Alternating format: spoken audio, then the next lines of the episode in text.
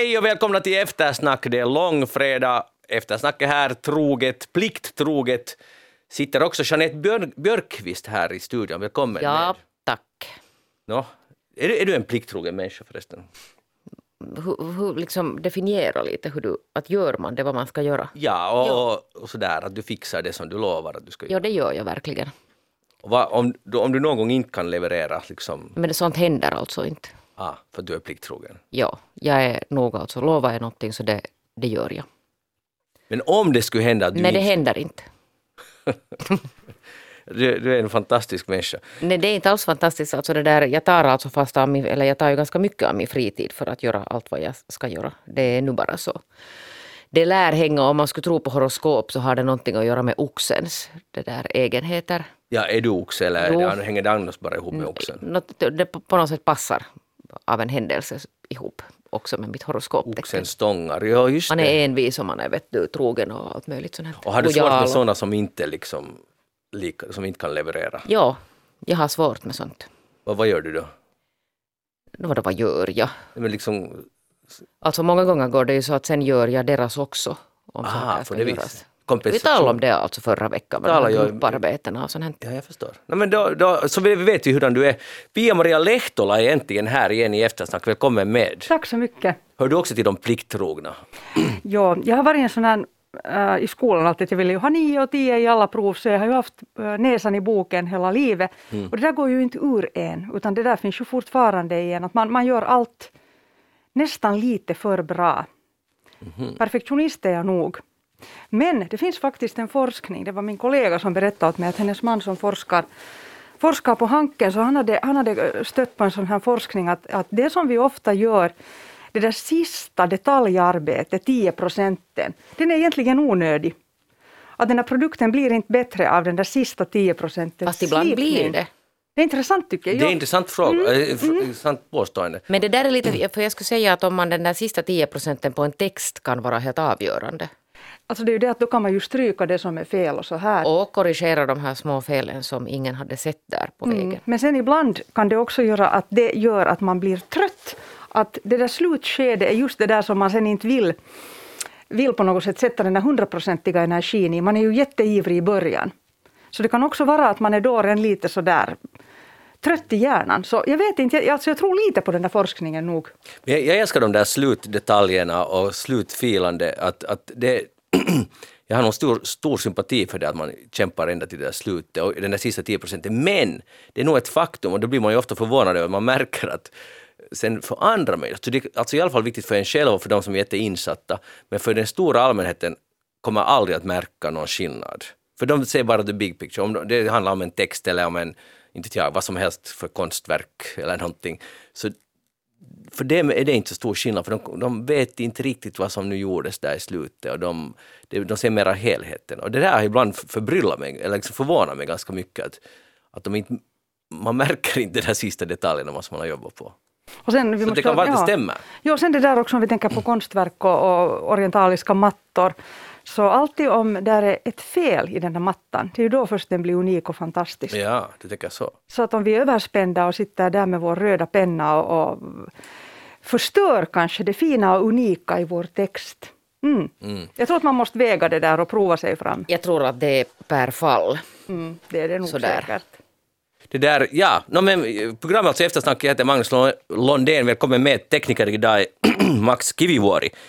Hör- Hörni, det är långfredag, så vi är ju inte i direktsändning och det betyder också att det inte blir den där brännheta NATO-diskussionen, men vi kommer att komma tillbaka till det. Men jag vill först diskutera uh, långfredag, jag är så nyfiken. Du brukar ju vara alltid här i uh, Eftersnacks långfredagsprogram, Pia-Maria. Det är ju inte en slump, eller hur? Nej, alltså jag älskar ju påsken Ja. och jag älskar ju också påsken därför för att då kommer vi till det här allvaret och det här lidandet. Jag har talat om det förut också men långfredagen är en ypperlig dag då vi rannsakar oss själva. Alltså jag älskar det här självrannsakan. Jag tycker vi gör det alldeles för lite. Vi har så bråttom. Vi bara eh, producerar och, och, och, och presterar och, och vi, vi, vi funderar egentligen inte på våra egna motiv emellanåt. Att varför gör vi det här och varför? Och, och självrannsakan, det är jättebra att fundera på sitt eget beteende sina egna människorelationer, nära människorelationer, hur vi är i dem. Och jag tycker långfredagen är en fantastisk dag för det. Det, det är också ofta en dag då jag, jag tillreder Pashan till exempel.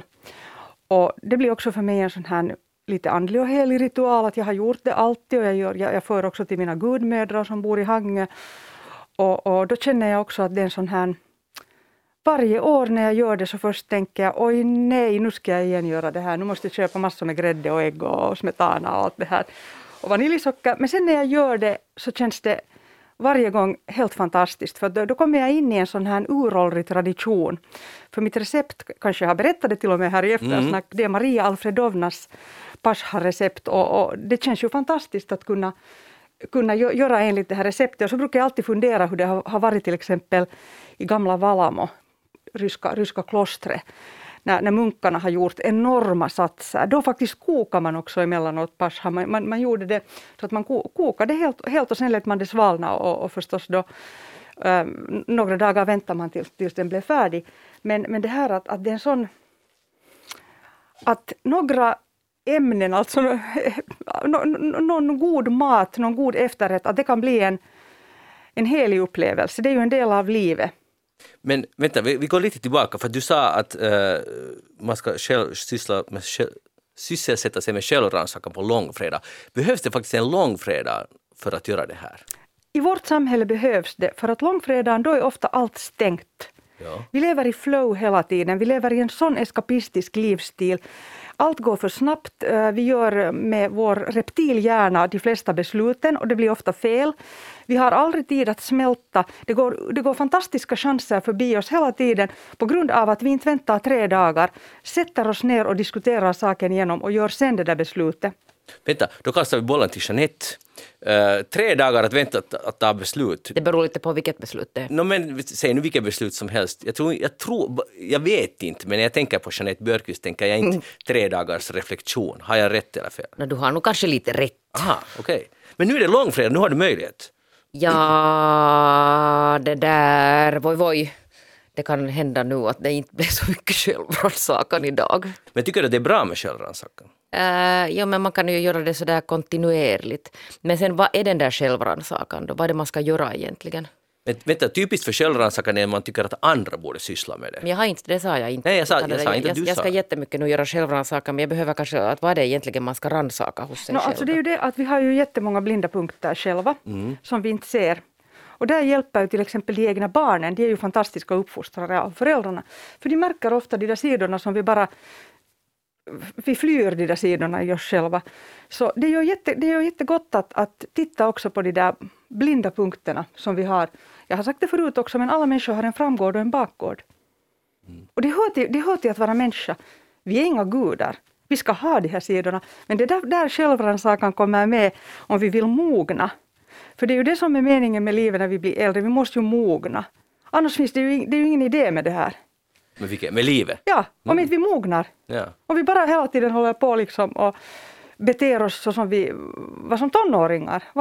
Det finns ju ingen, ingen det idé med det hela. Mm. Nej, men det där kan jag ju hålla med om, men det där men sen kanske inte alla behöver en långfredag där man sitter på något sätt och spekar sig själv och, och analyserar allt det här utan man gör det liksom sådär på språng så att säga. Omedelbart när det kommer. Det är helt sant det där att, att barnen är jättebra på att på något sätt se det är jättestörande. No, det är jättestörande, men jag menar, det tar man ju sen alltid när det kommer, så där i stunden alltså. Det sen gör måste, vi ju. Sen måste, men sen måste vi komma ihåg att barnen också överdriver. Vi ska inte tro heller på allt nej, vad de nej, säger. Verkligen inte. De har också sin egen anarkism som är jätteviktig för dem för att de ska bli vuxna. Mm. Och dit hör ju det här att du ska ta koll på mamma, ta koll på pappa. Det kommer först i tonåren. Mm. Det här. No, det kan nog fortsätta. Isän och äidin tappo tror jag den här heter i psykologspråket. När man jo. ska på något sätt göra upp. Jo. Men det där, ja, men Magnus håller kanske på med självrannsakan hela dagen. Alltså äh, allvarligt talat så ibland, men det är nog ganska så här flyktigt. Men, men det händer och på riktigt håller jag med om Pia-Maria att jag håller inte med om att det behövs en långfredag. Jag, jag tycker att det är lite konstigt att bestämma att jag, jag inte sysslar idag med självrannsakan, jag tar det sen på lång, långfredag. Men för mig är det helt naturligt. Jo, jo, jo. Det, det, är härligt att det finns en sån dag i året. Ja, men jag, jag tycker att det skulle vara ännu viktigare att man, har, man försöker hitta ett lugn där man nu kan syssla med självrannsakan eller något annat uh, lugnt hela tiden, eller en gång i dagen, eller uh, när man är i duschen, eller när som helst, för det är ju sjukt viktigt. Att därför, jag menar bara att, att jag förstår vad du menar, att det är en bra symbol att långfredagen, att ägna en hel dag till det, men jag, jag tror att ganska få gör det. Jag har så dåligt minne så jag skulle inte klara av alltså att komma ihåg allt som har dykt upp längs med året. Så sen när långfredagen kommer så skulle jag inte komma ihåg mer än någonting vad det var jag skulle rannsaka mig om. du måste göra anteckningar. Nej men vet du, det hinner man ju inte med. Nej, nej, förstås. För man är på språng. Ja. Men, men, uh, okay, men långfredag, ni, ni tycker inte att det känns så där, vad ska vi nu använda för ord, uh, gammalmodigt? Uh, att uh, stänga butikerna och stan dör ut, fast det är inte riktigt så längre. Men i alla fall, att det, det finns ju det här, ni vet förut, dans, dansförbud och allt sånt här som fanns förut. Det har ju lite ändrat Spela allt det här. kort, jag vet det har ändrats. Matbutikerna är väl öppna tror jag nu på långfredagar också. Säkert en del, ja. Men inte få spela kort och inte småle och inte ha roligt och så vidare. Pia-Maria, hur förhåller du dig till det? No, nu tycker jag att man, man, alltså jag tycker ju om det där att, att det stannar upp och det blir tyst och liksom naturen talar och inte, inte bilarna till exempel och inte butikerna utan, Mm. utan det finns en sån här, det finns en skönhet i, i, i vakuumet, i tystnaden. Så att jag, jag, jag tycker det är härligt, det måste finnas sånt. Det skulle, jag tycker det borde finnas mera sånt. Men det borde finnas överhuvudtaget säkert mera, och det här måste ju var och en liksom försöka åtgärda, men mera där man inte har planerade saker att göra. Till exempel, till exempel jag var en söndag, och jag, kom, och jag var en söndag och promenerade i centrum, vilket jag gör väl, i Helsingfors väldigt sällan. Och, och då när jag gick dit, så jag hade egentligen ingenting att göra. Jag skulle bara göra ett muka-ärende i en butik som dessutom gick åt pipan. Och sen var jag att, vad ska jag göra nu? Och den känslan, och då fick jag en sån direkt koppling till ungefär, jag är vet ni, 16 år gammal, man går på promenad med någon kompis, det är söndag, allt är ganska tungt, eh, tyst och lugnt i stan. Och, och, och jag bara märkte att herregud, jag har inte upplevt det här på jättelänge, att det finns liksom inga planer, ingen någonting att göra och jag är dessutom ensam och jag är i stan. Det var, det var helt otrolig känsla. Jag, jag kan inte kanske förmedla den här till fullo, men uh, då, då fick jag liksom så här självrannsakan på det sättet att hur kan det vara så att det allt är ganska spikat hela tiden. Att Det är ju helt galet. Och på det sättet tycker jag att en långfredag är bra om man inte fyller det med en massa program. För att nu har man ledigt och nu ska man fylla det med någonting att göra. Det Så för, jag för det, det, dök inte upp några smärtsamma känslor i den Nej, här det var bara stunden. positiva. Men Alltså, vad gjorde du med den där tiden sen? Ja, Jag gick sen jag gick så här, vet ni, um, fönstershoppa, gick omkring, ringde visserligen ett telefonsamtal till min son som var utomlands och talade jättelänge med honom, bara satt någonstans på åt en falafel. Uh, och sen gick jag bara omkring. Och jag menar bara att det, det, är konstigt för det här gör jag i alla fall väldigt sällan. Och det var ganska roligt. Bra, det Ensam. Du, mm, fortsätt med Mycket det där. nice. Jeanette, kommer du med nästa gång? Det beror lite på. Jag har tydligen inte paketerat det så snyggt nu till det, så nej, nej, nej, jag köper alltså den här, jag köper idén, det är bra. Ja.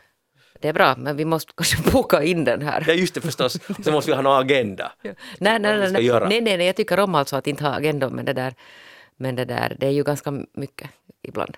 Men jag skulle vilja veta ännu om den här reptilhjärnan, just det här, att vad tycker ni om det? Att Tycker ni att eh, vi i samhället behöver, eller liksom använder oss för mycket av sådana ryggmärgs snabba beslut, bara reptilhjärnan, utan att vi låter saker och ting mogna? Men det beror ju lite på vad det är alltså. För att det där, alla beslut kan och ska inte mogna. Alltså till exempel i min bransch, om jag jobbar med nyhetsjournalistik, så då kan man inte bli, det krävs. Man måste ha kapacitet att göra snabbt. Men vilken hjärna använder du då, inte reptilhjärnan? Jag tror att jag använder min ryggmärgsreflex och intuition. Just det. Men det där, du har helt rätt att det går för mycket och för snabbt, alltså många saker. Det är saker säkert som skulle ibland behöva mogna. Säg till exempel att man blir väldigt arg. Ska man ta alltså ett beslut när man är arg eller ska man vidta en åtgärd när man är hemskt arg? Det ska man inte göra. Man ska ju alltid ta liksom den tiden. Inte bara det, utan alltså gärna också sova en natt och eh, lugna ner sig. Mm. Ja, alltså inga beslut när man är, eller när man är jättetrött eller all, allt sånt, eller på då, jättedåligt humör. Inga beslut överhuvudtaget. Det har jag på något sätt kommit fram till att jag uppskjuter alla beslut. Uh, för det funkar, det blir fel. Så, så tillvida. Men sen tycker jag att, helt nu, nog som Janet, att intuition, uh, man måste det, det måste liksom få komma till tals. Men man måste, man måste bara särskilja mellan intu, riktig intuition och sen det här att man snabbt bara vill lösa någonting för att komma vidare. För det är inte riktigt samma sak. Nej, att bara sant. snabbt fatta ett beslut för att man liksom, pff, vill liksom forcera vidare och man är stressad. Det är en helt annan sak än intuition tycker jag. Intuition kräver lite lugn. Uh, men sen tycker jag att, att, att det som att älta saker att låta dem skjuta upp dem och fundera av och an, så det gör mig också eh, nog lite paradoxalt, men gör mig rastlös och tokig. Då tycker jag att, att man, det blir inte ofta bättre av att älta för mycket. Att där kan jag bli lite irriterad. Men det där är nog säkert alltså också någon sån här personlighetsfråga, att hur man är Ja. Uppbyggd. Att en del behöver fundera och vända och vrida och andra behöver inte så mycket. Och sen ibland är det ju tiden sen som avgör. Om man inte i tid har gjort det där beslutet, ja. så då är det tiden som avgör ditt val. Det är intressant också. Det är det att uh, livet straffar den som kommer för sent, Pia-Maria. Så det gäller också att vara där i tid. Mm, jag försökte just gräva, att fan hade jag någon östnyländsk sån här visdom om det här, men jag kom inte på nu. Nej, jag kommer ihåg, för jag tror att det var, jag tror ungefär att det var Gorbatjov som sa det till Honecker. Uh, nej, till, eller vem det nu var som styrde Östtyskland. Nu skulle det vara dags att lite reformera, att inte bli försenad i den här processen. Och där hade han ju nog ganska rätt. Sen har det hänt mycket efter det. Hej, den här veckan har det varit uh, civil olydnad faktiskt i Finland. Aktivister från Elokapina och Greenpeace har varit i Lappvik i Hangö för att hindra de här ryska äh, tågen, för att eh, äh, antracittågen, vad det nu sen betyder, ta sig till Koverhar hamn där det finns, jag antar att det var nu kol eller vad det nu var, stenkol på, på dem. Och Ja, jag skulle fråga vad ni tycker om det. De la sig alltså på spåret och står förhindra, det är alltså transport som går vidare från Finland ut i Europa. Eh, och då är det förstås en protest för klimatet och mot Ryssland. Mot, ja, det är därför pengarna kommer till Ryssland just nu. Så vad tycker ni om det här? Ja, jag är ju alltid sådär, eftersom jag är mamma så börjar jag genast tänka att det är farligt Mm. att de lägger sig där. Det är ju ganska drastiskt. Och så, men... Det, jag tror inte mm, det var farligt på det sättet. Tåget stannade och polisen har varit där och övervakat och sådär. Samtidigt tycker jag ju om just den franska livsstilen där man har revolution och där man ingriper. Vi är ju ganska lata med det i Finland. Vi är ju väldigt plikttrogna människor här. Att, jag vet inte, jag har inte forskat så mycket i det där. Det där, eh, jag försöker dra mig till minnes den här Elokapinas demonstration i Helsingfors som vi också talar här och, och sen när man säger att, att lite civil olydnad är nog ganska bra så finns det många människor som blir hemskt arga att vi sitter här i radion och uppmanar till civil olydnad. Men det där, jag har ju nog också den här tanken om att, att, att ibland kan det vara helt på sin plats. No, alltså det här är inte, jag tycker att eh, folk får kritisera det och det är, helt, det är bra. Så det, så, så det funkar i demokrati, att man får gärna kritisera vad, vad vi säger eller vad någon annan säger och det är en bra med debatt. På riktigt är det bra. Men jag tycker att det här är jättebra också att de gör det här. För att, att om, det, om det någon gång finns tid för civil olydnad är det när man fraktar, och vi, EU har köpt nu för 31 miljarder euro, sen kriget började, gas, olja och kol av Ryssland det är ganska mycket pengar och vi är helt tydligen beroende av det och det är bra att det har kommit upp att vi har insett hur, hur beroende vi är, alltså jag menar Europa som helhet. Och då om någon protesterar mot det här, så det är bara rätt. Alltså det, jag kan inte säga att det finns egentligen någonting, eh, förstås juridiskt kan det finnas fel i det, men moraliskt är det helt rätt. Om inte det här är tid för civil olydnad så jag undrar bara när det är. Det dör, bara i Mariupol sägs det påstås det att minst 20 000 människor, civila, har dött. Ska vi, vad ska man då göra? Då är det ingenting om man lägger sig på ett räls i här och säger att nu, nu får det här räcka. Att vi kan inte hålla på att finansiera det här. Så jag, alltså, jag kan inte se eller jag kan inte på något sätt fördöma det här, utan tvärtom är det helt rätt när vi ser på Tyskland hur de vacklar fortfarande. För att de är rädda att, att det ska bli en opposition mot att det blir lite kallare i husen eller, eller den ryska industrin, all, priserna stiger. Så då är det det priset vi måste betala. Det är ju ingenting jämfört med vad Ukraina utsätts för. Att det är helt, helt det här så här moraliskt problem, som är, eller det är inte ens ett problem utan frågeställning som det här svaret tycker jag är helt klart. Och allt annat handlar bara om att sköta om sin egen bekvämlighet och, och som det nu är i Tyskland. Det är därför de bromsar. De är lite rädda. Att tänk om priserna stiger och tänk om folk blir upprörda och tänk om vi får det lite, lite sämre. Det är helt sjukt. Så, ja, så jag, jag, jag, jag till och med hyllar de här som aktiverar sig. Ser du, nu skriver jag under här. Jag kommer här på din den här. No, tack. Jag ger flankstöd åt dig. Det där var vältalat. Och jag kommer att tänka faktiskt på en, jag har just läst en bok av, av psykoterapeuten Maret Kallio. Hon är en känd kolumnist också och har olika, olika sorters tv-program och radioprogram. Och I hennes bok eh, Voimana Toivo, där skriver hon, hon, hon, är, alltså hon är ju psykolog, psykoterapeut. Men hon är också väldigt sträng med oss och hon, hon talar just om ondska och det här att egentligen är det bara grundnivån är den att vi inte själv gör något ont. Men vi, är, vi får inte bli på den där grundnivån, vi måste stiga ännu högre och ingripa. Och, Mm. och om någon gör ont åt en annan eller illa, då måste vi ingripa. Mm. Så det här, det är ju att ingripa. Och det, och det är ju det vi är arga på egentligen nu här, när, när vi sitter här i Finland och vi ser bara de här hemska dödssiffrorna hela tiden och det här lidande. Och, och, och så känner man sig helt handlingsförlamad. Hur kan vi, vad kan vi, hur, vi måste, det här måste hindras. Exakt. Mm. Och, alltså, den frustration jag har känt och, och jag vet att miljoner andra människor i Europa känner, den här så totala frustrationen och desperationen. Man sitter här, lever ett helt, tills vidare, helt lugnt medelklassliv. Um, man är medveten om vad som sker. Men, men det känns som att man inte riktigt kan göra någonting. Så jag, jag har listat åt mig själv, vad kan vi på riktigt göra? Vissa saker har jag gjort, vissa saker har jag, har jag inte gjort. Så jag tänkte fråga, kommer, be, och ni får gärna komplettera. Och, och lyssnare får gärna komplettera genom att e-posta oss eftersnacksnabelayle.fi eller gå in på vår Facebook-sida facebook.com eftersnack och säg vad ni har för idéer, vad vi kan på riktigt göra vi som individer. Nå, först är så att vi ska köra så lite som möjligt. Att, att vi på riktigt, för att uh, oberoende om vi köper norsk olja eller inte, så man kan aldrig riktigt, riktigt mäta uh, varifrån den kommer, men förstås ska man bojkotta alla som direkt säger att de säljer rysk olja. Och det finns till exempel Teboil, jag kan inte förstå att Teboil har en enda kund i Finland nu nu.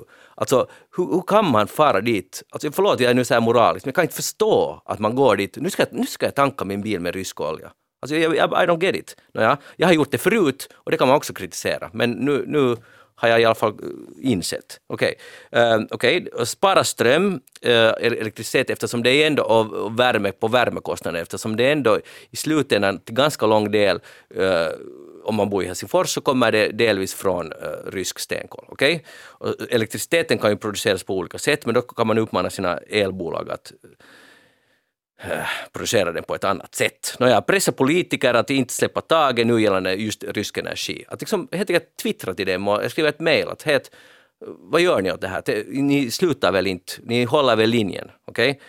Man kan stödja Läkare utan gränser och andra organisationer som är på plats i Ukraina. Eh, man kan köpa Airbnb-boende i Ukraina. Liksom man, vet ni, man bokar en tom natt. Jag gjorde det och det gick otroligt lätt. Det tog fem minuter av min tid och, och fick massor av hjärtan och tack, tack, tack och God bless you och allt. Från en familj i, det var någon by i Ukraina som sa att pappan är och krigar och de har flytt. Och redan den där ena kontakten. Och inte vet jag sen desto mera hurdana människor de är, men vad spelar det för roll? Och det var nu bara en natt, så det, jag, försöker, det, jag vet många sysslar med det här. Många beställer också, vet ni, pizza från ett pizzabud, jag läste om en sån, att de ska leverera mat och betala det, de levererar mat till sjukhus eller vart som helst. Eh, uh, sådana som ännu fungerar. Ehm, Sen kan man stödja oppositionen ekonomiskt eller på andra sätt i Belarus, för jag tror att Belarus är en nyckelgrej här, eh, som vi har talat om tidigare. Hjälpa ukrainska flyktingar, de som har kommit hit, engagera sig i, den- i den frågan.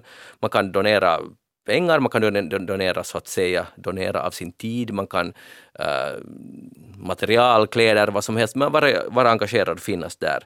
Man kan stänga av året runt-strömmen i sin sommarstuga, gå över till solpaneler, installera jordvärme i sina höghus. Alltså allt sånt här som också klimatet kräver och, och som nu har liksom påskyndats. Vi kan göra saker.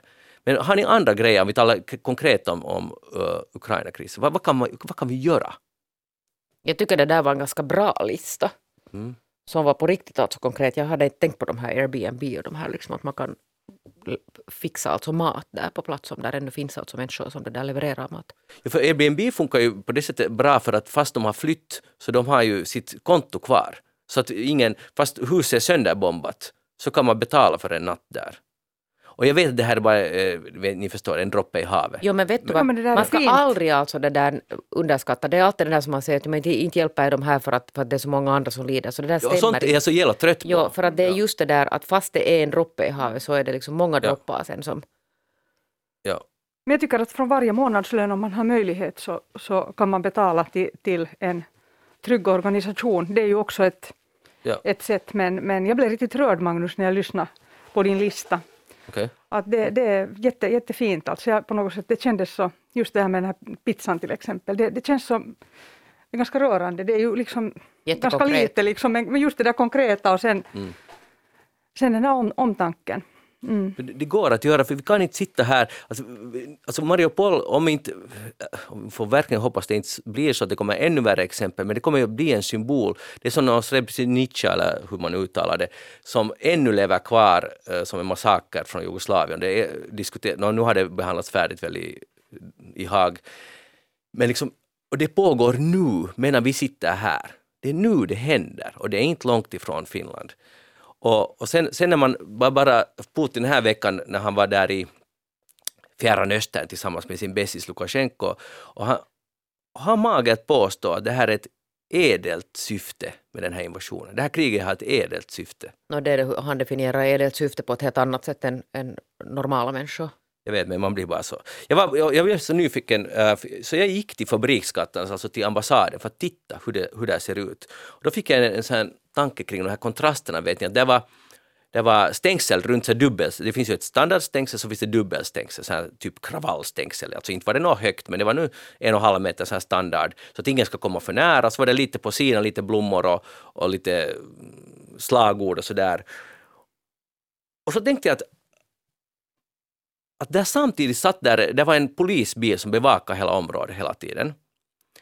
Och så kom, kunde de här diplomaterna, de kom när jag var där, köra in genom porten, ingen attackerar dem och det är ju bra, så måste det vara. De ska ha trygghet, de är också människor. Men bara tänka att Ryssland förutsätter att deras ambassad ska vara bevakad och skyddad. Och de, och de här civila i Ukraina har ingen som helst skydd och någonting. Och vi, vi som ett snällt västerland ställer upp, aj, vi ni polisskydd? Men vi fixar det. Och jag antar att det ingår i någon sorts diplomatins, eh, vet ni, att det ska vara så att ambassaderna är oantastliga. Och det är helt rätt. Men med det var vilken kontrast att, att har de ingen skam i kroppen, de här diplomater som åker in och ut där och säger oj vad bra vi är nu skyddade. Och de tycker själva att uppenbarligen, eftersom de inte har hoppat av, att, att det som Ukraina får stå ut utan skydd är helt berättigat. Förstår ni det här? Att det blir så otrolig kontrast att se det där, hur vi behandlar och hur de behandlar. Ja, ja, ja, man blir bara knäckt. Men det bygger ju också på rädsla, rädsla och det här hela, hela systemet som ju bygger på kontroll och, och, och rädsla och, och hot. Så att kanske de är rädda. Men kanske också en viss Mm. bit på opportunism. Det vill säga att man ändå tittar först själv på, på sitt eget. Hur menar du? Att de tänker nu kanske mera på sin, på sin egen position än att, att det där. Inte för att de är nödvändigtvis alltid rädda. Jag tror inte att rädsla är det som driver alla att stödja Putin. Nej. Säkert en del, men eller ja, jag vet inte, kanske stöder man honom av rädsla. Eller stöder man hon- honom med andra motiv. Som till exempel kan vara det att man helt enkelt förmår bara tänka på sitt eget. Mm. Vi hoppar vidare till Frankrike. För Men ska du säga någonting på franska? nej, ja, vi ska se nu. Du missar ju den här studentskrivningen. Har du redan Jo, alltså? nej, men vi ska ju skriva den, alltså vi ska ju skriva Mischa så här fri studentskrivning och det har vi lovat den här våren gör vi. Ja. Uh, det håller vi fast vid. Jag kommer bli underkänd men jag kommer att göra det för du sa så klokt att jag ska gå dit och bli förnedrad. och det, det uppskattar jag. För jag, jag, jag tror på, det, på förnedring ibland. Det är riktigt bra och sunt. Självrannsakan och Ja, förnedring. ja, det, är, det är tema för Ja. den här långfredagen. Just det. Ja. Eh, Men i alla fall, hej, alltså det var ju franskt presidentval och, och jag gjorde min medborgerliga plikt eftersom jag är då också fransk medborgare så jag satt på mig min nya jacka och, och det där. Nej, kostym. Du borde Nej, ha haft kostym. Macron-kostymen mörkblå, hör du. Alltså, det här är lite Smala Jotain stuprörsben. rajaa skulle finnas. Ja. Aj, Ja. stuprörsbenen, ser du. Jag såg helt sådär, inte nu kanske flashy ut, det skulle vara lite överdrivet, men jag såg helt, jag, jag platsade nog helt där i kön. Och det där, eh, jag gjorde extensiv research på vem jag ska rösta på, det vill säga ungefär fem minuter. Och så kom jag fram till att jag röstar på Yannick, han heter så i förnamn. Och Yannick har helt tydligt ly- lyssnat på eftersnack för att han, hans första punkt är att nu får det vara slut, att vi måste bygga solpaneler på alla hus i, i Frankrike. Att vi måste ta den här klimatgrejen på allvar och ställa om energin också på grund av Ryssland och så vidare. Det, och det går att göra men det måste krävas liksom massiv och vi måste helt, rikta om allt fokus helt om. Och det här räckte för mig, sen gick jag och röstade på Yannick. Men bara 4,5 procent andra i Frankrike gjorde som jag. Jag är lite besviken på det. Men nu kommer det, det roliga. För att komma in där så måste man då visa ID tre gånger och, och så vidare på ambassaden. Och, och, jag gick. och sen för första gången i mitt liv, tror jag, i det civila samhället. Så när man skulle skriva under, vet ni, nimmare där, att nu har jag röstat. Och då klämde jag in med, liksom, med mitt första egna ord, jag sa att “i si?”, att här, att ska jag skriva här? Hon sa “ohi”.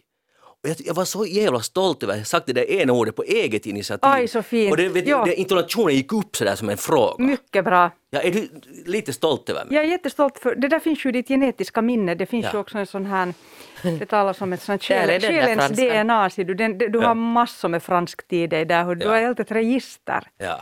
Det är bara nu hör du med att börja vara eh, latare, flanera på stan. Precis. Och, och låt, det, låt det komma upp det där hör du, från, från ditt genminne. Det franska. Kanske du behöver lyssna på någon franska medan, det- medan du väcker dina gener. Jacques Brel eller Charles Aznavour, du ska riktigt börja, nu ska du leva ut Magnus. Jag, jag, jag, skulle, jag vill... Alltså, riktigt! absolut, jag är helt med på det det här. Men, är bra hör du. jag är helt med, men det Ja. finns ett problem Pia-Marie. Nå, Att, eh, jag håller ju på med Duolingo, det här franskan. Jo, jag, jag jobbar ja. och jobbar. Ja. Och senast igår när jag försökte få den att förstå mitt, min franska, så vad gör min fru som ligger bredvid, hon fick ett fnitter, en fnitterattack när hon hörde min, mina uttalsförsök. ah, jag tror att hon med blev, bara, nej, hon blev bara attraherad. Ah, Jo, jo, ja, hör det är passion. det var passion alltså. Jag, jag, jag kan berätta en liten anekdot här. Ja, alltså, vi, vi köpte med min man en sån här fransk sänggavel. Alltså på riktigt fransk från Nice. Ja. Och vi släpade den hem i snöoväder från Nylandsgatan till Vinkelgatan. Ja. Och vi har aldrig fått så underbara blickar och, och spontana diskussioner på gatorna i Helsingfors. En äldre kvinna eh, skrek åt oss ”Oj, en fransk sänggavel, kan ni tala franska? Oj. I den där sängen måste man kunna tala franska”. Så Magnus, nu det där är båda gott nu hör du. Jo, det, nu, är det, nu är det på G. Jo, jo, jo, din fru kommer ju att bli eld och lågor. Det kan hända att där ändå Ser du, var någon du? problematik med den där skorrande. Jag känner sådär att, ja. Men hur gör man det där skorran? Jag förstår inte vet jag, titta inte på mig. Nej, jag, det, jag Du kan, du kan öva med, med Macron, du kan öva med att säga Macron, Macron. Macron. Men alltså det, det, där, det där skorrande som är absolut ett problem. Men jag vill säga om Macron att, att han är ju ganska arrogant. Förlåt nu men. Nej, nej, inte alls. Alltså titta hör ni på hans blick när han ser Jo, på, på, på vacker. Sanna Marin till exempel. Jo, jo, jag har sett den där bilden. Ja, det är fantastiskt. Alltså, de, de är ju riktigt på något sätt som syskonsjälar de två. Ja. Och, och vad heter det? Jag tycker att han är, alltså, och det hörde du när Niinistö var där senast. Ja. Hur han tog emot honom och med empati klappade honom säkert tio gånger. Alltså det blev nästan överdrivet den här intimiteten där vi är ju inte vana med det. Men, Mm. men, men det var en, en sån värme. Alltså han är ju en verkligt varm och empatisk person. Jag, jag, jag håller inte riktigt med, för då när han blir aggressiv, när han liksom dissar folk och vilka han gör, både i tweets och i intervjuer och sånt, så då framstår han inte så, som så jätteempatisk och arrogant. Och jag vet att allt det där du säger, och det är det som är det Men det är helig vrede. Det är helig vrede. Helig vrede. Du har Magnus samma drag i dig också. Aha. Du är likadan, därför tycker du inte om det. Ah, just det, det kommer för nära. Jo, jo! Här kommer så mycket Ser sanningar. det. nu. Jo, nu får du jobba riktigt hör du, på, på långfredagen. Och så kan man väl säga att det där, du är lite självrannsakan Magnus Ja. Lundén. Ja, ja. Att det där jämfört med den här hans motkandidat så det där är han ju Just Jo, det. jo, det är klart att ja. eh, Le, Pen, Le Pen, men det är ju det, alltså problemet här är nu att Le Pen framställer sig som någon ny samhällsmoder, Frankrikes Men det gör moder. de ju alla. Jo, jo, men Ma- Ma- Macrons problem är nu att, att folk upplever, många i Frankrike, att han inte bryr sig om deras problem. Alltså det, och medan Marine eh, Le Pen har lyckats få en sån bild kring sig att hon bryr sig nog, det gör hon ju inte. No, nej, det är inte fantastiskt hur de här alltså lyckas tvätta sitt byk om människors alltså Ja. korta minne, att man glömmer bort Ja. att vad är det egentligen för gäng. Och det är ju inte bara Frankrike, det är många andra också. Plus att hon är ju ännu skyldig Putins fyrk helt enkelt för sin kampanj, tidigare kampanjer. Och, och jag kan inte förstå, det här är sånt som övergår mitt förstånd. Att med, tanke på vad Ryssland just nu sysselsätter sig med, sysslar med, så röstar man ändå på henne. Och, och, och hon har förut mer eller mindre hyllat eh, Putin. Alltså nu är det ganska konstigt. Ja, det är konstigt, men jag tror att det handlar liksom på något sätt om att människor... Eh, eh, alltså den här informationen verkar ju inte ha gått fram. Jag kan inte säga att någon vettig människa alltså annars heller skulle rösta på henne. Det är inte hemskt många år sedan som, som hela Europa var helt chockade över vad hon Mm. höll på med. Och plötsligt är vi alltså, jag var, jag var helt alltså chockad när jag, när jag såg att hon går. Att tänk, hur har vi gått alltså till det här? Men hon har att bytt hon befinner profil. sig alltså... Jag vet att hon har bytt profil, men jag menar så kort minne kan vi inte ha. Nej, men vi, vi har det. Att, och att man köper det här. Det är lite som de här Sverigedemokraterna som plötsligt är de jätte så här, så här politiskt korrekta och liksom ingen kommer ihåg att var deras grunder finns. Och de grunderna försvinner inte av att man alltså tvättar liksom bort eller lite placerar om. Den här ideologin ligger där hela tiden. Och det är en ideologi som inte alltså hör hemma i Europa. Nej, men no, den hör tydligen. Man bara paketerar det snyggt och, och, kivat sådär, så då, då får man rösta. Jo, och det är ju lätt alltså att vara så där populistisk och just så här att, att, att framstå som att man bryr sig om människor. Mm. Men att det där, ja, jag är det där lite chockad faktiskt. Ja, det blir spännande andra omgång. Pia-Marie, hur tror du det går? Jag tror att Macron vinner. Okej. Okay. Mm. Och det faktiskt, det har ju inte varit på länge någon som har suttit två perioder. Det var mm. senast var det, var det 2001, eller var det 2002? Så jag lovar att, att en mm. finlandssvensk röst får han i alla fall. Om jag nu öppet säger. Nå ja, nu är jag nog nöjd och glad. Och sätt nu på den här mörkblå kostymen Nä. nästa gång.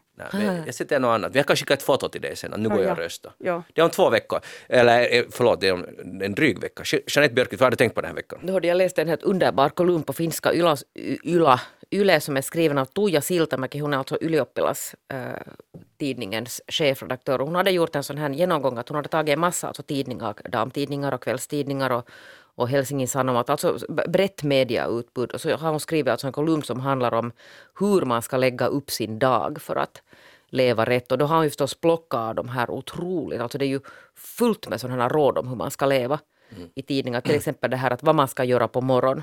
Och sen har hon då plockat alltså det där, till exempel att man ska, äh, att man ska vara eh, stilla en stund och lyssna på sin kropp och sen låta alltså känslorna flöda. Och sen ska man dessutom då göra saker som, som upprätthåller ork och självkontroll. Sen ska man dricka alltså ett glas vatten med citron i och vänta si och så länge före man, före man äter. Sen ska man inte alltså det där bli och, och ligga utan man ska, man ska lite idrotta också för att få igång den här. Sen ska man då dessutom äta en ordentlig frukost i alla fall för att, för att den här ämnesomsättningen ska hållas i skick. Sen ska man tvätta tänderna minst tre gånger för att det är jättehälsosamt och minskar riskerna för sjukdomarna. Och sen ska man dessutom alltså då på morgonen sätta, göra upp konkreta målsättningar för hela... Och så här fortsätter alltså den här kolumnen. Och det är då alltså MTV3, det är Helsingin Sanomat, det är Iltalehti, det är Anna-tidningen. Vet ni att hon har gjort en sån här och här är alltså över 20 punkter sen när man kommer och det är ju bara, förstår vi, en, en bråkdel. Och, och det är på något sätt, den är helt genial den här. Att hur man alltså ur medier liksom översköljs av sådana här budskap om hur man ska göra. Det är ju inte undra på att människor blir tvinniga i huvudet. För att det är så mycket man borde göra för att leva rätt.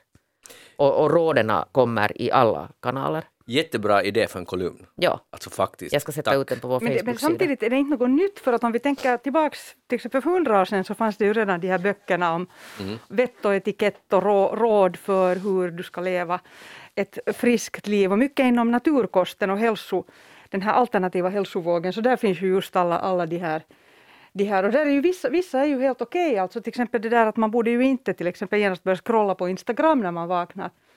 Men jag älskar det. Och om jag älskar det så då är det ju bra för mig, just för mig. Jag behöver ju inte ha en Så länge du gör här det där benträning och trappträning och det där, sen är du en stund ännu i sån här djup liksom benträning längs med dagen sen då. Alltså jo, det fortsätter visst. ju sen på det här sättet. Men Pia-Maria, det, alltså det du sa är egentligen väl just det som den här kolumnisten ville ta upp, jag har inte läst det men jag antar det, att göra det som man ska bara, alltså man, man vet nog bäst själv. Exakt. Alltså, Fast ibland vet vi inte. Aha. Men, men du visste nog just. No, jo, men ibland har vi nog jättedåliga vanor också. Att, att, det där till exempel att, att man borde ju varje dag gå åtminstone en halvtimme ute. Mm och i naturen. Gör ni det varje dag? Jag gör det. Jo. Jo, eller natur, jag, jag hur man nu sen definierar natur. Det är inte natur. Jag går inte heller i natur, men jag går nog liksom, jag använder inte spårvagn, utan jag går vart jag går i stan. Ja. Så, så det gör jag nog. Men, men som sagt, där, jag läste också den här kolumnen i morse. Den är inte underbar. Och, ja, den är jättebra. Och, där, och där, där till exempel det här just med, det som hon ju tog upp där är, är, är friheten. Att det är ju egentligen friheten som vi aldrig kan uppnå på grund av de här just som kommer ja. till oss. Men vi behöver ju inte läsa dem. Vad gör att vi läser dem? Det är en bra fråga. Ja. Och vad gör att de publiceras? Säkert det att det säljer alltid för att man är oj, oj någon ny trend, oh, okej, okay, och, vet jag att nyaste nytt säger att så har det ju, du har helt rätt i, eller jag håller helt med om att det har alltid varit att det kommer nya råd, nu är det så här man ska göra, men tänk att vi inte lär oss att sluta läsa dem där och bara leva livet helt enkelt. Men sen, sen till exempel, nu tycker jag ju det är fantastiskt också om man får tips om att indiska kryddor är jättebra för vårt immunförsvar. Mm. Så nu har jag lärt mig också mycket från här, att inte det är ju bara negativt. Att sen brukar jag ofta forska vidare och kolla, liksom, det, det här är ju ofta, kan vara lite ytliga, men sen när man kollar källan och går och forskar vidare, jag är en sån forskarpersonlighet, att jag kan sitta en timme och forska i till exempel curryblandningen och dens hälsopåverkan, och jag kan bli helt euforisk av det. Och då, nu använder jag det, jag använder varje vecka det i min matlagning. Men det kan man ju göra alltså att man Ja. sysselsätter sig från morgon till kväll till att forska vidare på alla de här spåren. Att det på riktigt. Hörru, då hinner jag tycker man att inte här är jättebra det här annat, till ja. exempel att vad man ska äta varje dag. Nå. Alltså för det kommer ju att Ja. det lanseras här att, att, att ät det här varje dag för att hållas frisk. Det är alltså havre, blåbär, eh, gröna grönsaker, röda grönsaker, eh, bär, frukt och nötter plus potatis, eh, olika sådana, vad heter det, sån här spannmål, mjölkprodukter, fisk, eh, ägg, eh, grönsaksproteiner, kött, fetter och dricka. Vet ni förstår att, att sen när man liksom sätter ihop det här att det här ska du äta nu varje dag om du ska hållas frisk och, och det där, så det blir ju väldigt mycket sen till slut. Men sen samtidigt så ska man då inte äta för mycket. Nej, nej. Och sen samtidigt måste man komma ihåg att göra sådana här, här aktioner för sitt parförhållande och titta liksom på sin partner. Och, och det, liksom, det, det, alltså den är helt briljant den här. Man förstår när man har läst den här att vitsi vi är råddiga. Men paradoxen där är ju det att de här råden ska göra ditt liv bättre och kanske just friare, medan det har ju helt motsatt effekt. Ja. Om man är lagd i alla fall så att man blir bara stressad av det här. Alltså det, blir det, är Jo, liksom, för det visar att det är omöjligt. Alltså, Ja. Du kan inte göra allt det här på en det är väl dag. det som är syftet, för sen kommer, kan man skicka ett nytt råd. Uh, För det finns inget slutmål. Nu, har, nu är allt bra, för det kommer nästa månad kommer något nytt. Och de, oh shit, mitt liv är helt eh, liksom åt skogen, jag måste ju också äta blåbär. Jo, nu hade jag bara druckit det här glaset med citron på morgonen, men jag borde ha ätit tre blåbär Ja, också. och vilket jag rekommenderar. Jag, jag håller hårt, tror hårt på blåbären, men det kan ju vara att jag har fel. Nej, blåbär är bra. Vet ni, havtorn är också bra. Jag träffade igår... igår Nu blir vi likadana! Ja, jag träffade, vad det, mode, Tranbär är också bra. Ja, och vår, vår enda modeskapare Jukka Rintala, ni vet. Ja. Han fyllde 70 just och, och det har kommit ut en, en bok, en självbiografi om honom och där berättar han att han varje morgon Mm. Äter åtta stycken havtorn, havtornsbär. Jättebra. Och det är hans doping. Ja, men nu måste jag säga, förlåt Thomas Lundin att Ja. jag outar honom, men jag har sett när han alltså trycker i sig sån här färsk ingefära. Och då tänkte jag att om man blir som Thomas Lundin om man äter färsk ingefära varje dag, så då tänker jag börja äta färsk ingefära varje dag. Men Hurdan blir man alltså? Nå, han är ju underbar. Ah, man blir liksom av ingefäran. Glad och härlig. Så jag tänker att det måste ju ha med den där han, ingefäran han, är- att han är nog född så. Ja, det kan nog hända Jo, att det inte jo, har något med Han är ingefära men det kan nog vara att det håller vetenskaplig forskning, att, liksom att ät ingefära blir du som Lundin. Alltså, nu, Jag skulle, alltså då köper jag det här. ja, ja. Nu, nu är det helt möjligt, för vi har ju ett exempel. Han Ja. äter det och han är Det är ju alltså empirisk forskning på ja, ett sätt. Exakt, helt. Eller Jukka Rintala och äta åtta, åtta Ja, vi har- nu har vi Det är en kombination. Ja. Ja. Jättebra. Pia- Pia-Maria Lehtola, vad har du tänkt på den här veckan? Nå, jag har funderat mycket på antikviteter och Ryssland och ryskt porslin. För att nu är det intressant, nu börjar vissa personer hämta sitt antika ryska porslin till salu till antikhandlarna, till exempel i Helsingfors. Och ehm, det finns inte så mycket 1800-tals till exempel ryskt porslin i butikerna, sådana riktigt unika föremål. Och jag har nu blivit så fascinerad så jag har faktiskt gått och köpt vissa saker. Jag har, jag har köpt nu en sån här 1800-tals uh, eh, pashaform, en sån här äh, det, det är någon sorts plåt, för, förtännad plåt med alla de här härliga ortodoxa korset och sen är där strålar, solstrålar, otroligt vackert. Och jag har aldrig förut stött på en sån här, men nu så har någon inte velat se den hemma och hämta den till antikhandeln. Um, sen har jag också hittat en alldeles fantastisk så kallad kröningsskål. Vet ni vad det är? Har ni, har ni hört om en kröningsskål? Alltså jag har hört ordet, men jag vet inte vad det är. Berätta. Ja, det är fascinerande. Jag har faktiskt en bild här. Det är en, en naturvit skål med eh, en för Nikolaj den andra i vack, vacker sån här eh, riktigt utsyrad handstil och sen är där en krona. Och den här är alltså gjord, Arabia har gjort den i tiderna. Den är gjord för 26 maj 1896.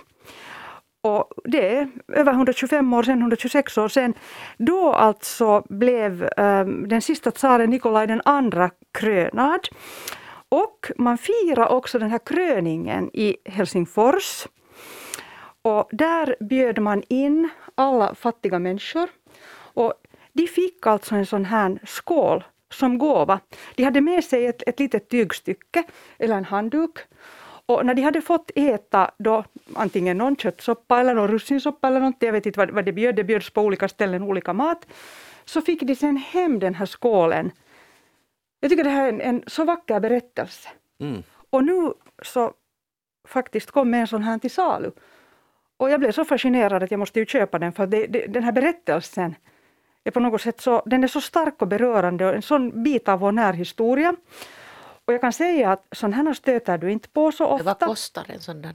Oj, jag säger inte. Men alltså, men är det tre siffror eller är det två siffror? Tre siffror. Ja, just det. Kanske fyra. Nej, inte fyra, tre. Men eh, på Nationalmuseet finns det faktiskt tre stycken i alla fall av, av den här skålen. Ja. Lite överraskande så, så, så tänker jag inte alls, jag tycker att det här är en helt bra investering. Alltså, jag menar, en, varför inte? Och det är ju som du säger en bit av historia, vår Eh, historia. Det, och, och när jag vet Ja. att den har varit ganska nära mig ändå var jag, var jag bor just nu och sen att jag kan via den här skålen berätta om, om vår närhistoria och sen att jag bor i ett hus som faktiskt är byggt för ryska officerare och det är byggt samma år som den här skålen. Det här tycker, jag blir själv jätte, jätteivrig av sånt här. jag förstår det. Jag tror att Rico Eklund skulle förstå mig nu, hör du Men vi förstår vi det, förstår ja. också. Ja, men bra, oj det är fint, fint, fint, fint. Ja. fint. Det där, eh, Otroligt nog. Ja, ja, ja. Ja. Men alltså, allt, historia är alltid intressant. eh, och just föremål är också intressanta. Men varför tror du att... Tror du det är en slump att någon har nu sålt det här till butiken? Förstår du? Vill göra sig av med de här Ja, föremålen? ja, för det, det är samma person som har hämtat alla de här produkterna. Alltså också en den här, den här Pasha-formen är också, också från, från, från den här samma personen. Är det någon sorts, eh, tror du det är någon som har gått bort, dött, eller, Nej, eller någon nej. som bara inte, på grund av kriget som nu vill bli Ja, det är på grund av kriget. Aha.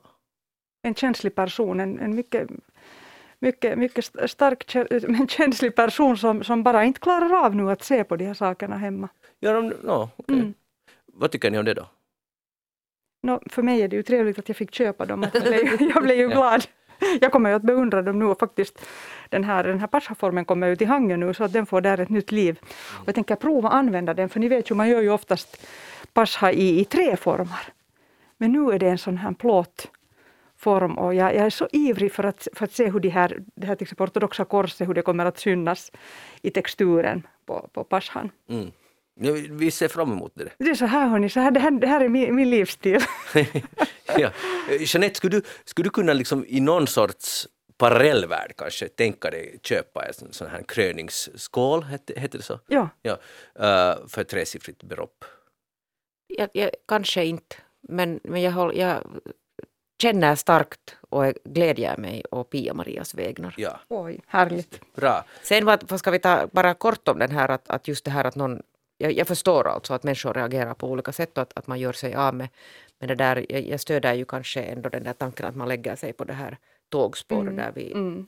Det är viktigt, att, det är viktigt att, att påpeka det. alltså det som Mm. pågår nu än det här att man liksom nu riktar till exempel det. liksom. Ja, Hälsar en massa ja. saker eller liksom börjar bojkotta som jag hörde någonstans att, att man inte ska nu äta, liksom ens tillverka pascha till, till påsken. Det ingår alltså inte i vår meny annars heller men, men att det finns människor som vet ni att, att man reagerar så starkt eller den här, hade vi talat om det tidigare, det här att Lidl tar bort allt som ens påminner om.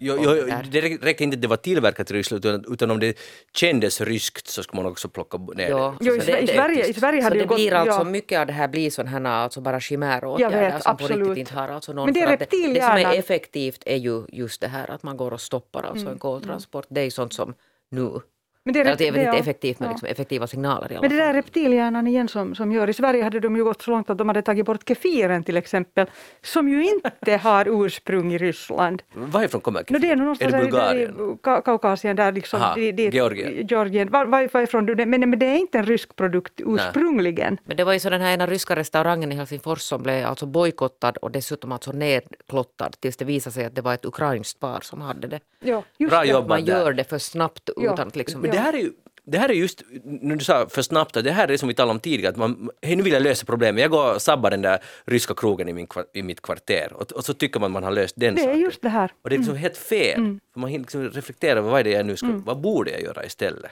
Och kom nu ihåg också att bordsoppan är ju faktiskt ukrainsk. Så det, det, det, det är om ni vill stödja i tanken och, och, och så här. Så jag, jag har lagat ganska många gånger nu bordsoppa hemma. Jag tycker att det, det är en fin rätt att tända ett ljus och så sitter man och, och tänker, tänka på vad som händer där. Mm. Precis, äh, vi talar om mat. Hej. Äh, Alepa ska nu nästa vecka införa äh, mattransport med robot. Så här små robotvagnar, jag tror att det var 60 stycken i Esbo, ska betjäna 8000 ja, invånare som bor i närheten av en Al- Aleppo och det här liksom test och det här görs ju i stora världen redan tydligen. Det görs i Tallinn också. Redan. Tallinn har haft det länge. Just det, och där, det, det är ett estniskt bolag. Så. Ja, ja. Och, det där, eh, och nu, jag skulle bara vilja diskutera det här för att de sk- skryter nu med att, att fördelen med det här är att det är praktiskt, miljövänligt och kontaktfritt och billigt dessutom. Eh, håller ni med om det? Att eh, när man fraktar mat, en matkasse med en, med en sån här liten vagn som har hjul som far av sig själv, att det uppfyller det här praktiskt, miljövänligt, kontaktfritt och billigt. Nu måste vi komma ihåg att de här vagnarna uppstår ur intet. De kommer liksom utan att man det där Ja. belastar miljön överhuvudtaget Ja. när man tillverkar dem. Det, det är ett mirakel. Plötsligt puff så har man en massa sådana små robotvagnar. Det är som de säger, det är miracle of life. Yes, it Ja. is. Ja, Så att här det- till påsken till ära här. att det där eh, papparobot och mammarobot hade det där helt enkelt presterat den här. Det var fint gjort. Det där, kan du, alltså, va, va, va, vart ska de transportera? Till, hem till folk. Alltså du menar att det ska köra omkring någon Det kör på trottoaren. Av sig själv. Mm. Jag var just på en sån här, på Estlands ambassad, på en sån här Visit Estonia, ett presstillfälle med, med ministrar på plats och Tallinns um, stats, vad heter det, borgmästare. Och där, där så var de väldigt stolta över de här, just de här robotarna. Och sen, sen bara varnade de att man måste vara försiktig, att man måste hela tiden när man går på gatorna i Tallinn ha ögonen med sig och titta åt, åt alla håll, att man inte bara snubblar eller att den kommer på en. Ja men det är sant för att trottoarerna är ju ja. gjorda för robotar och inte för, för människor. Att på det sättet har de helt rätt. Men jag, jag vill bara, alltså det som du tog upp Jeanette är ju väldigt sant, att hur miljövänligt är det? Och det är inte bara det att de har producerats på något sätt utan det är ju inte så att bara för att någonting är utsläppsfritt så är det miljövänligt. Någonstans ifrån kommer energin att driva att vi ska ha vagnar som kör omkring mat till oss. Okej, det är förstås bättre än vi alla kör bil till butiken för det är mindre energi som krävs. Men, eh, och sen eh, ja, energi måste produceras på något sätt. Sen att det är kontaktfritt, alltså att vi ännu lever i det, att det är faktiskt så att, vi, att det används som ett argument att jag behöver inte träffa en människa när jag har köpt min mat. Jag tycker bara att det är ganska Det är det skrämmande. värsta. Det är det värsta. Att vart vi är Ja. på väg. Just det där. Mm. Och, och sen billigt, ja vad är nu billigt? Billigt, någonstans från tas ju pengarna för att ha byggt, byggt den här hela apparaten som ska rulla omkring där. Så- Och för att upprätthålla någon form av infrastruktur, för inte det är ju så att de här robotarna som själv föds där av sig själva vet sen vad som ska hända. Nej. Och jag bara funderar, skulle det ha varit i dagsläget ändå bättre att säga att vi har nu anställt fyra stycken cykelbud som kommer att cykla omkring och det är praktiskt, miljövänligt, det är inte kontaktfritt men det är billigt. Eh, skulle man inte kunna gjort så istället? Och inte ens med elcykel, vi, vi anställer hurtiga ungdomar som vill cykla omkring den här marknaden. Ja, men nu kommer här igen designen och människans behov av att leka uppfinna Jocke. Ja, vi, har, vi har ju alltid det här att vi vill vara... Och Magnus, du har också tidigare varit väldigt fascinerad av sånt här. Du har ändrat dig. Eh, no, men, eh, jag, alltså jag har tänkt på förarlösa bilar, för där finns stora Ja, fördelar. men lite liknande här nu. Okej. Men, men i alla fall, det här är ju det att men, men mänskligheten vill ju alltid hitta på nytt och prestera och visa. Och jag kan säga att jag tycker att de är ganska vackra de här robotarna. Vackra! Jag tycker de är väldigt vackra. De är oftast vita och de har så här rundade kanter. Att på något underligt sätt tycker jag lite om dem.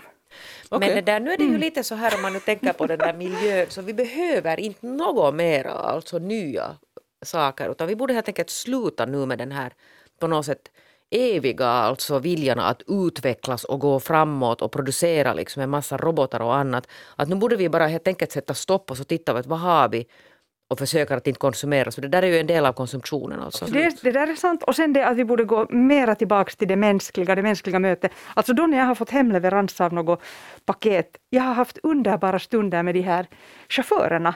Alltså de, de har varit så härliga människor, alltså jag har blivit väldigt rörd emellanåt för att, för att det är sådana människor som jag inte annars skulle träffa. Bra! Och de är väldigt hjärtliga och de hämtar lådorna riktigt in på trappan och allt och in i huset också om, om, jag, om jag är själv. Jag blir så lycklig för att vanligtvis ja. så dissar man alltid alla sådana här... Jo, nej, de är underbara, helt fantastiska och jag tackar dem alltid och önskar trevlig helg. Och Men liksom det- dissar det- man väl dem? Nej, man kanske dissar kanske det där systemet som gör att de inte får tillräckligt med pengar. Mm. Eller så. Hej, eh, till sist en, en, en ganska viktig sak. På tal om dansförbud. Så Jeanette, vi hade ju faktiskt glädjen att vara tillsammans på krog här Ja. för några veckor sedan. Nattklubb! Oj, Nattklubb, ja. nattklubb, det skulle vara för mig också. ja. Och eh, eh, vi var ju vi var ju faktiskt på dansgolvet. Jag vet inte om du Jeanette var? Jo, jo, jo. Ja, ja, bra. Okej, eh, och det var ju ganska spännande för det var en måndag. Och, och jag studerade, det var ganska mycket ungdomar, alltså jag skulle säga 21. Vi var inte en del av dem. Nej, vi var, inte, vi var de enda som var över 21. Och- Men det var mycket trevligt. Eh, Och flera, jag skulle påstå att det var i alla fall någon timme på dansgolvet i sträck. Och jag hade en reflektion som gör mig lite upprörd. Att de kan ju inte för fan dansa de här ungdomarna. De är precis lika dåliga som vi. Jag ska nu visa hur de dansar. Jag vet det här är inte så bra radio men att ni kan sen beskriva vad jag gör. Ja. Så här såg alltså 19-åringarna ut. Nå. Det är inte lite rörande? Jag tycker det är rörande. Men det är rörande. Man, vet, man kan inte kräva... Vänta, det, det är medfött. ser du. så. Jo, men inte det så Där illa. dansar jag! Jo, jo. Jag är, fan, jag är 50 år gammal. Och de här är Men 19-åringar. nu dansar du så också som 19-åring. Ja, ja. Det var medfött. Det är din rytm, det är ditt det här hör du, rytmsinne som du är född, född med. Men tycker ni inte att dagens ungdom skulle kunna lite skärpa sig? Jag menar så mycket musik som har kommit efter det, så mycket de har varit på, på nattklubb, att vi- de är samma usla nivå De som har ju vi. kanske inte varit så mycket på nattklubb för det har varit stängt. Ah, det är coronans fel. Ja. Och sen tycker jag nog att, att, att, att det har nog, om vi tittar på de här mus- musikvideorna också, så det har nog avancerat till ganska pornografisk dans. Ja. Så jag är nog glad att det är på den där Sånt nivån. fanns det nog inte där på den här stället. Nej, här fanns väldigt lite pornografisk Men jag är nog dans. glad för det där. Det där är nog gulligare det där hör du. Ja, Magnus. det var lite Men gulligt. vet du vad Ja. Magnus, att det är nu så att, att så har det varit genom hela historien och så kommer det att vara att en del liksom vill göra avancerade moves och andra vill inte och så är det. So hör may it be. Och jag är nog den här som, som tycker mig alltid har varit lite mer avancerad. ah, du är ganska bra dansare. Nej, det, det säger jag inte, men alltså gärna i alla fall. Lite annat. Saturday än- Night Fever. Är Nej, nej, det är ju helt alltså passé. Men sen en andra upprörande sak, sen till slut fick vi igenom att de skulle spela Madonna Into the Groove som är Oj, världens vad bästa danslåt. Underbart. Och vad gjorde ungdomen? De gick bort från dansgolvet. Aj! Ja, och vad är där skulle jag ha varit nog med. Maken av arrogans. Jo, men det, ser du, det, var inte, det, det blev för dem som, som Beatles kanske för dig. Saken klar, Jeanette Björkqvist, dansa vidare. Jag tycker nu faktiskt kolla in dig när du nu sa att du är bra dansare. Stojt att du inte märkte det ändå. Jo, jo, jag visste, du, du var fantastisk. Uh, Pia-Maria Lehtola, tack för att du var med i Eftersnack idag. Jag heter Magnus Lundén. Jag öns- önskar er alla en skön långfredag, självreflektion och förnedring och allt vad ni nu kommer på. Uh, ha det bra, vi hörs igen om en vecka. Hej då!